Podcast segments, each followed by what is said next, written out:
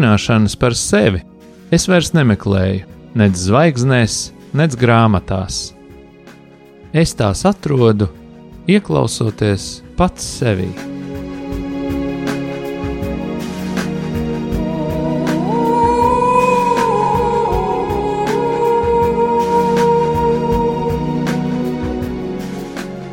Raidījums Mīlestības terapija. Top mīlestības mājai, sadarbojoties ar profesionālo pastorālās konsultēšanas asociāciju.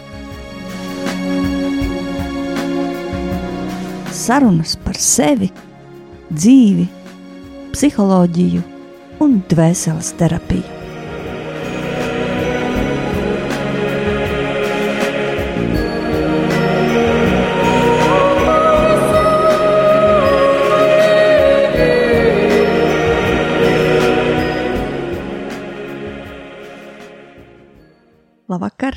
Mīļie radio Marija klausītāji!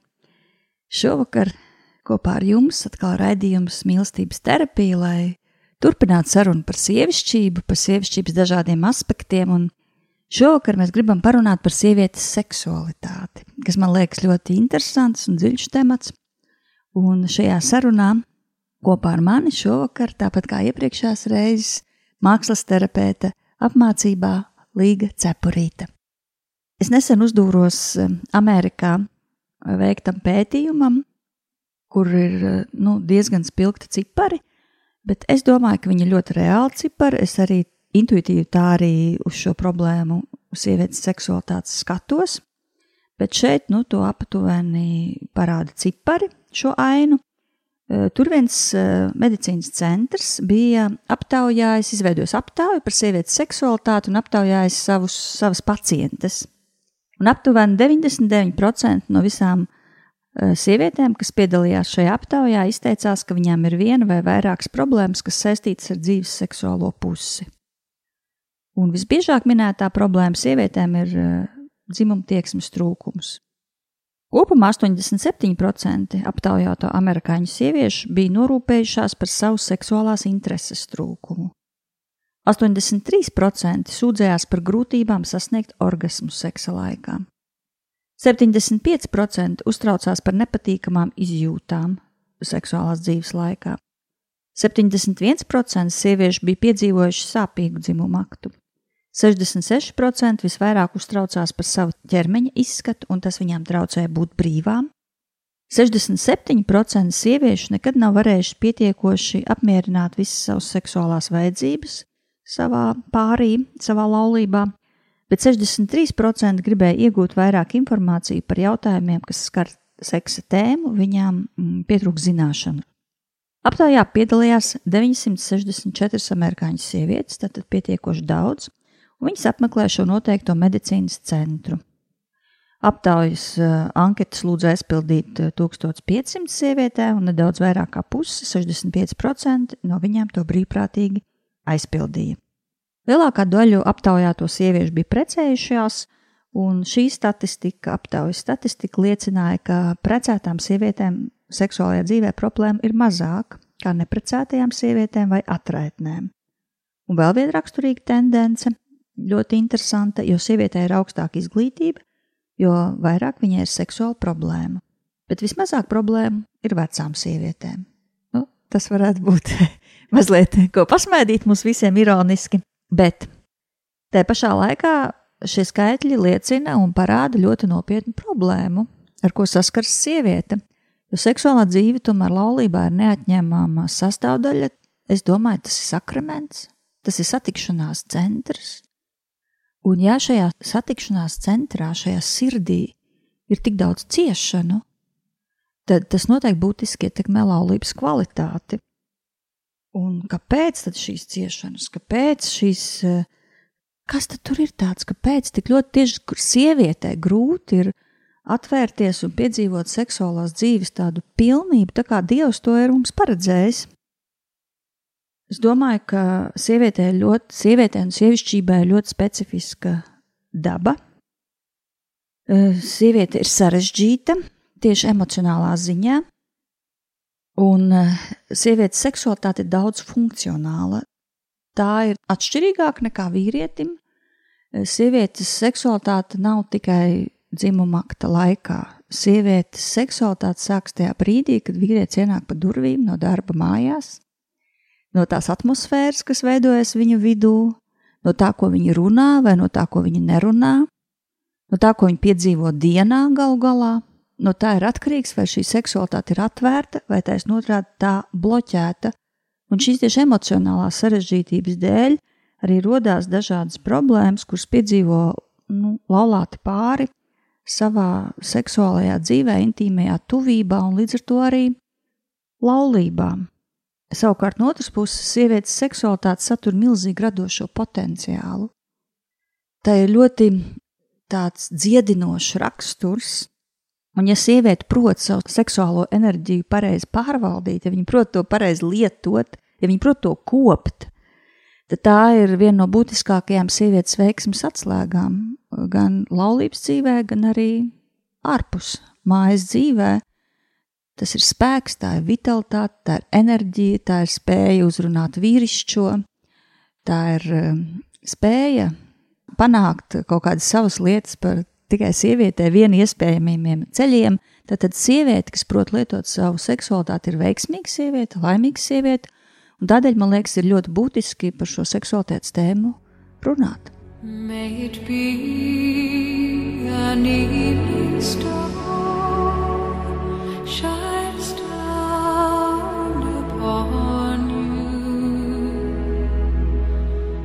May it be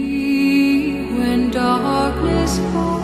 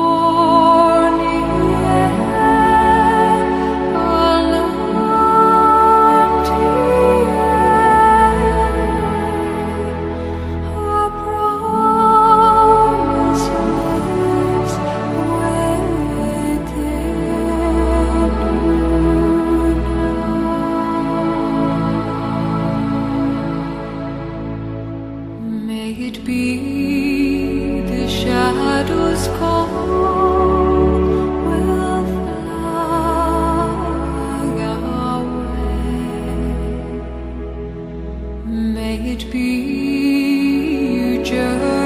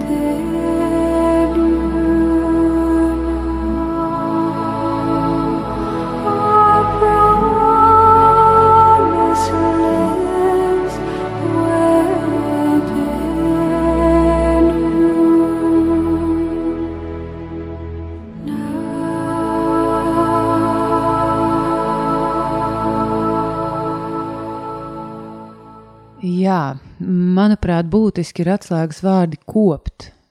seksualitāti. Kopt ne tikai seksualitāti, bet kopt savu sievišķības izpratni. Jo sievietes seksualitāte viennozīmīgi ir saistīta ar to, cik sievišķīga es jūtos, cik apmierināta ar savu ķermeņa tēlu, ar savu iekšējo paštēlu, ar savu cik mierā es esmu ar to, kādu Dievs man ir radījis.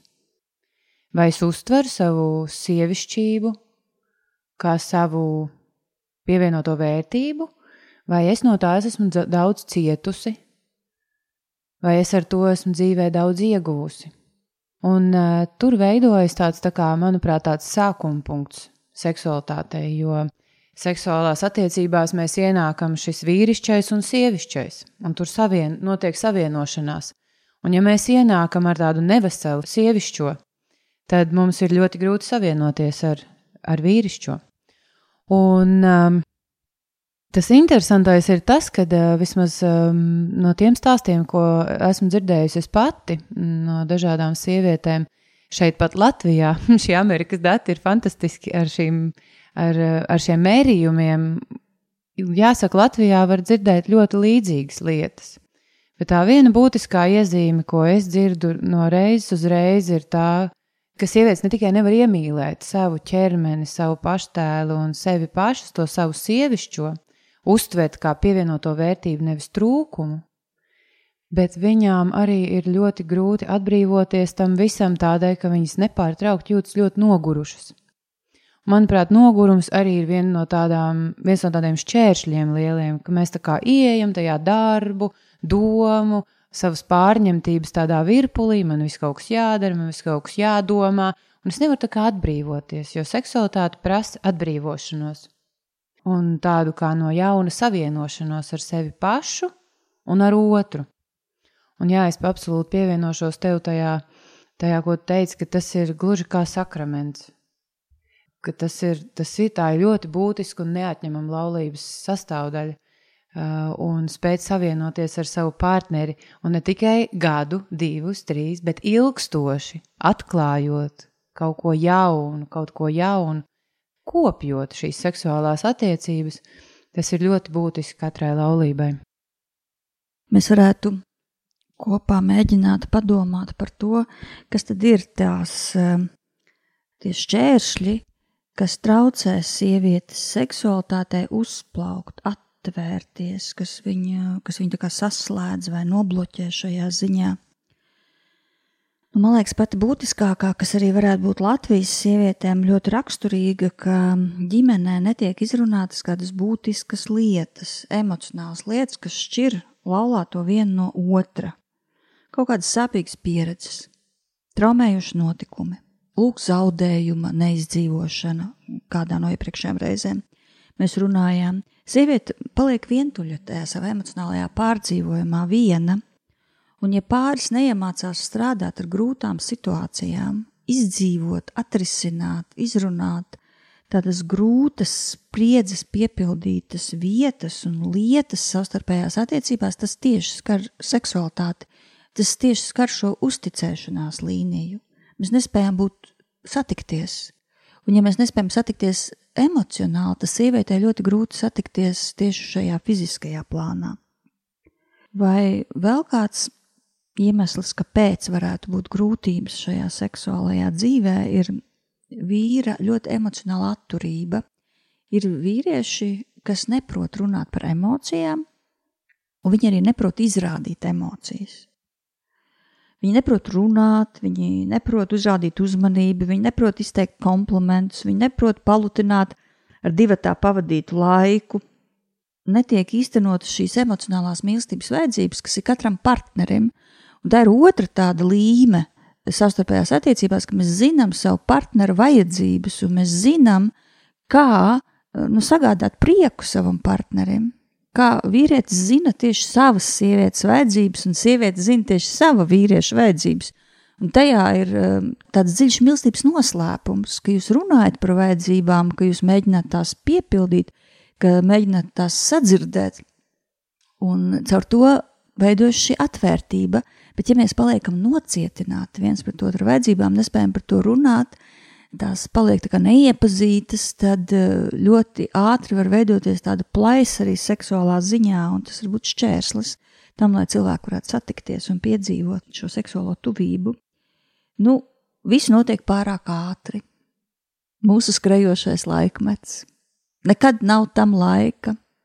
Bērni var ienākt guļamistabā, jebkurā brīdī, vai bērni guļ pa vidu. Jau lieli bērni, šeit nerunāju par maziem bebīšiem. Un tas viss, šis eh, pārāk maza dzīves vieta, protams, visi šie sociālie apstākļi, kādi ir mūsu zemē, viņi ir šķērslis tam, lai attīstītos eh, laba laulība, bet tas nav stāsts par sociālajiem apstākļiem, tas ir stāsts par mūsu izvēlēm. Tas ir stāsts, vai mēs iekārtojam šo laiku, vai mēs rūpējamies par šo laiku, vai mēs ierakstam kalendārā šo laiku, kad mēs satiksimies.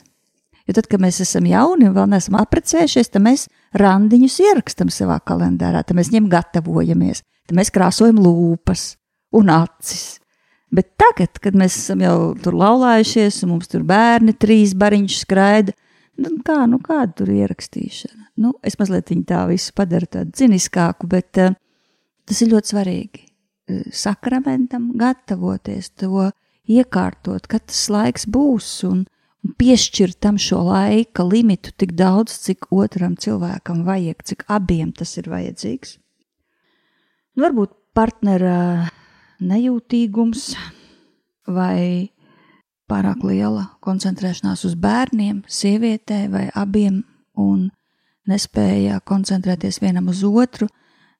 Šeit varētu teikt, ka vesels ģimenes būtiska pazīme ir ka ir vīrs un sieva kā viena sistēma, tad tur ir tāda robežlīnija, un tad ir bērni kā cita sistēma. Bet šī robežlīnija nav tāda tā kā biezs mūris. Bērni var iet pie vecāku sistēmas, vecāki iet pie bērnu sistēmas, visi sadarbojās, satiekās, visi sajaukti cik pa brīdim. Bet ir kaut kādi brīži, kad tā robeža ir. Ir guļamistaba, ir guļamistabas durvis, viņas var būt aizslēgtas, bērniem par to nav jautājumi, vai, vai pāris brauc kaut kur ārpus mājas, un tad ir bērni kaut kur paliek, viņi tiek kaut kur nolikti, un, un tad, tad ir funkcionē šīs sistēmas atsevišķi, tāda ir ģimene. Ja nav, ja ir tikai bērni un vecāki kopā, tad ir ļoti grūti.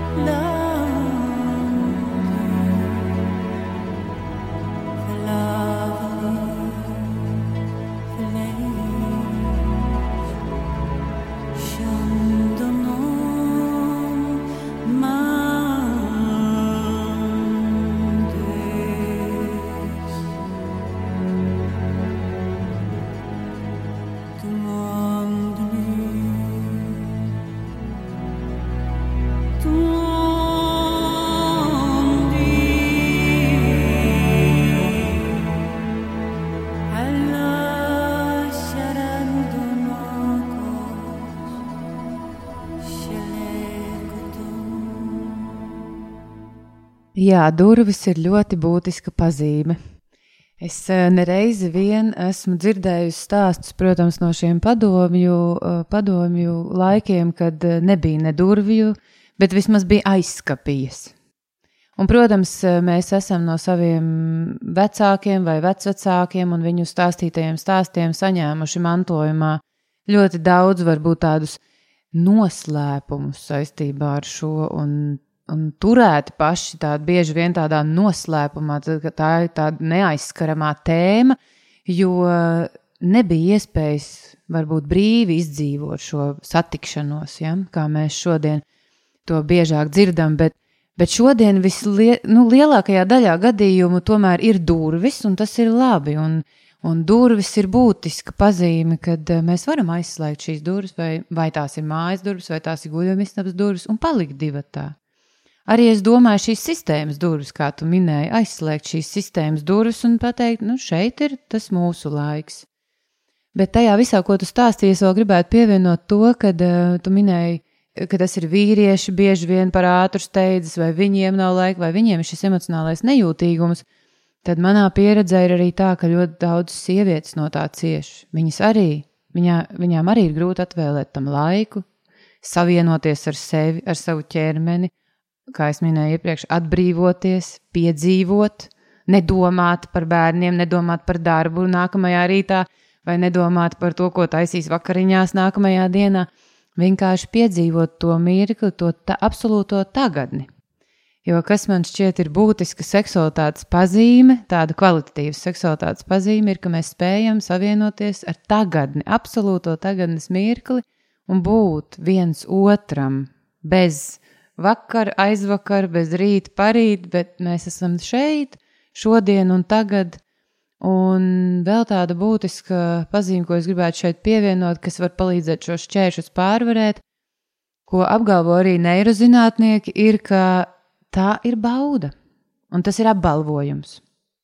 Tas ir tas, kas notiek smadzenēs, ka mēs saņemam baudu un apbalvojumu kaut kādā mērā par to, ko mēs esam varbūt cietuši, nesuši kopā, Mēs varam viens otram uzdāvināt nesteidzīgi, skaistu dāvanu viens otru un savienoties tādā citādā pakāpē viens ar otru, atjaunoties. Dažkārt es esmu dzirdējis pāris sakam, ka, viņ, ka notiek izlīdzināšanās, kas, protams, nedrīkst tikt izmantot kā vienīgais instruments regulāri, bet mēs varētu kaut kur piekrist, ka notiek tāda izlīdzināšanās, tāda piedošana, apmaiņa. Tā kā šī seksualitātes tēma, manuprāt, ir kaut kas tāds, par ko uh, ir vērts arī atbrīvoties un runāt vispār. Tāpēc es esmu priecīgi būt šodien šeit kopā ar tevi un runāt par to, jo arī starp kristīgiem ļaudīm es daudzkārt dzirdu, ka ir vispār grūti runāt par to. Tā ir kaut kāda aizliegtā tēma, bet mēs visi zinām, ka tas eksistē laulības ietvaros. Un, uh, Un arī par to runājot, sievietēm ir iespēja savienoties ar sevi un uzdrošināties. Nu, jā, dažkārt arī apmainīties ar draugiem, varbūt nu, nevajag apmainīties ar visiem saviem guļamistabas eh, brīnumiem un paradumiem, bet vienkārši padalīties vai ar terapeitu, vai ar kādu draugu, vai ar māsu, Kristu, ka varbūt tev ir kādas grūtības, lūgt kopā par to, arī par šo var lūgt un atbrīvot ceļu tai seksualitātei attiecībās un atļaut sev būt. Nu, un tīri praktiski gribētos teikt, ja sievietes biežāk nostātos kaut vai vienatnē, vannas istabā, spoguļa priekšā, tādas kā ievas, kā dievs viņas radīja, vienkārši uzlūkotu sevi pateicīgām acīm, ka Dievs man ir devis šo ķermeni, šo miesu, kas ir gara templis, un skatoties uz sevi spogulī, teiktu, jā, es esmu skaista. Viņas atbrīvotu sev ceļu arī šai seksualitātei. Tas ir viens no tādiem varbūt instrumentiem, mēs, kas mums katrai ir pieejams. Vienkārši nostāties un pateikt sev, tas ir skaisti, ko es redzu. Jā, man ir krunciņas, jā, man ir kaut kādi kilogrami, lieki vai nelieki, bet es esmu skaista, tāda, kāda es esmu radīta.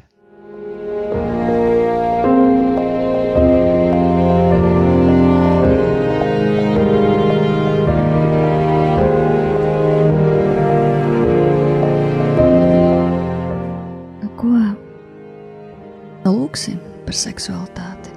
Kā Līga teica, par to ir jālūdz par to tiešām ir jālūdz. Atvērsim savus sirdis, lai satiktu Dievu. Mēs ieaicinām tevi, Dievs Tēvs, Jēzu Kristu, Svētais Gars, tieši savā ķermenī, arī savā ķermeņa atmiņā Nereti mums ir eh, ķermenim atsevišķa atmiņa, no tās atmiņas, ko satur mūsu galva. Un var tā gadīties, ka tad, kad eh, tavs partneris to pieskarās, tad ķermenis atcerās. Un tas saspringst. Tāpēc mēs aicināsim, mēs aicinām svēto garu, dziedinātāju visās ķermeņa atmiņās. Visās tajās ķermeniskajās atmiņās, kas saistīts ar seksualitāti Mēs lūdzam Jēzu tavu atbrīvojošo spēku visās tajās seksuālās attiecībās, kas nav bijušas dievam pa prātam. Nāc šķīstī mūsu ķermeni, nāc šķīstī mūsu dvēseli, nāc šķīstī mūsu garu, dari mūsu svētas, dari mūs par traukiem, kas atverās, lai saņemtu tavu mīlestību. Tēvs, nāc jēzu piepildi mūsu un ienāc tajā vietā, ķermenī, mūsos, kur dzīvo seksualitāte, kur seksualitāte ir mājas. Ienāc kungs un iztīri tur visu, dziedini tur visu, šķīstī visu, dara visu jaunu. Un pagremdē mani un manu partneri Jēzus savās svētajās asinīs lai tavs svētās asins atbrīvo jaunu telpu, jaunu vietu, kur mēs varētu satikties. Tādā kvalitātē, kā tu esi mums to paredzējis, satikt vienam otru. Palīdz, kungs, ieraudzīt to telpu, kurā mums būtu abiem labi, un to mēģināt tādu radīt. Palīdz ieraudzīt to atmosfēru, to emocionālo atmosfēru, kādā mums būtu abiem labi, un mēģināt to radīt. Palīdz Jēzu ieraudzīt mums tos vārdus, kas mums būtu svarīgi dzirdēt vienam no otra un mēģināt to teikt. Svētīt Tēvs katru mūsu satikšanos šajā laulības sakramentā. Svētī Kungs un atbrīvo no visa liekā. To visu mēs lūdzam Dieva Tēva, Dēla un Svētā gara vārdā. Amen!